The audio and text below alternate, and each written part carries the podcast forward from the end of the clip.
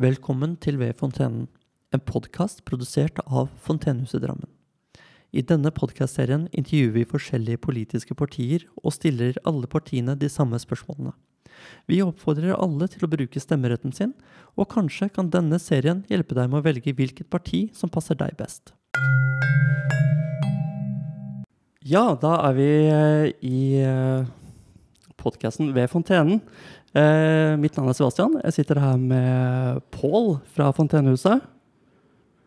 Og vi har med oss eh, Kristin Sulien, som er gruppeleder i Høyre. Hei. Hei. Og Pål, du hadde spørsmål til eh, Kristin? Det hadde jeg. Spørsmålet én. Eh, Fontenehuset i Drammen har eksistert i flere år. Hva er ditt inntrykk av husets virksomhet og betydning for kommunen? Ja, jeg har hatt gleden av å være på besøk her flere ganger. Eh, og det er som noen av medlemmene sier til meg, er at når de kommer inn døra her, så er de hjemme. Og sånn føler jeg det også.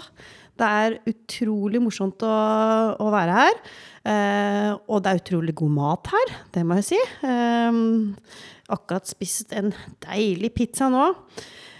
Mitt inntrykk av eh, husets virksomhet er det at alle medlemmene som er her, har faktisk en bedre hverdag ved å, å være her. Jeg har også fått et sannhetsvitne på det eh, fra et av medlemmene som sa det etter 14 dager her, så blir bedre, livet enda bedre enn det det har vært innen, eh, i løpet av et, ja, i det, det har vært det siste året.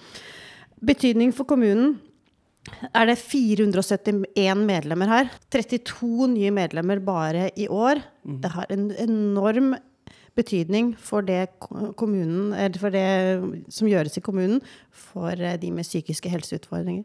Jeg er kjempestolt av at eh, vi har et partnerskapsavtale med Fontenehuset.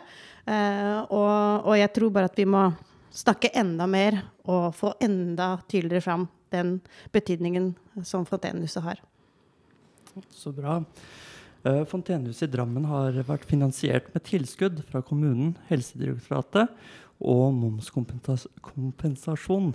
Nå er momskompensasjonen eh, bortfalt, og departementets tilskudd er redusert. Noe som har ført til en økonomisk vanskelig situasjon for Fontenehuset. Hvilke tanker har ditt parti gjort om videre finansieringsmodell? Ja, først og fremst kan jeg bare si hva vi har gjort uh, i, i, i, vårt budsjett og våre tanker og våre program.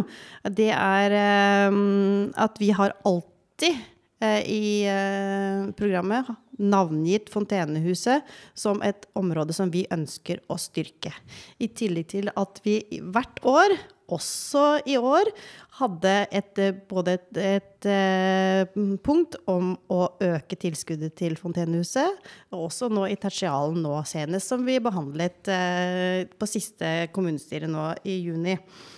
Så, og dere er med i programmet vårt også eh, for neste periode. Um, når det gjelder momskompensasjonen, så viser det jo hvor eh, vanskelig det er med disse finansieringsmodellene, og hvor feil det blir.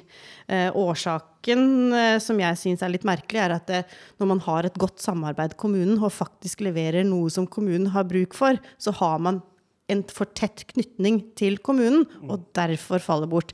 Og det, for meg så virker det helt urimelig. Mm. Så vi har jobbet veldig mye med våre politikere da på Stortinget uh, for å se på dette her. Uh, og det er jo noe man er nødt til å gjøre endringer på, tenker jeg da videre. Nå får ikke jeg gjort så mye med det akkurat uh, den momskompensasjonen, men det vi gjør i Drammen, er jo da å og gir da Fontenehuset da et, et, lån nå, så at man kommer over den verste kneika.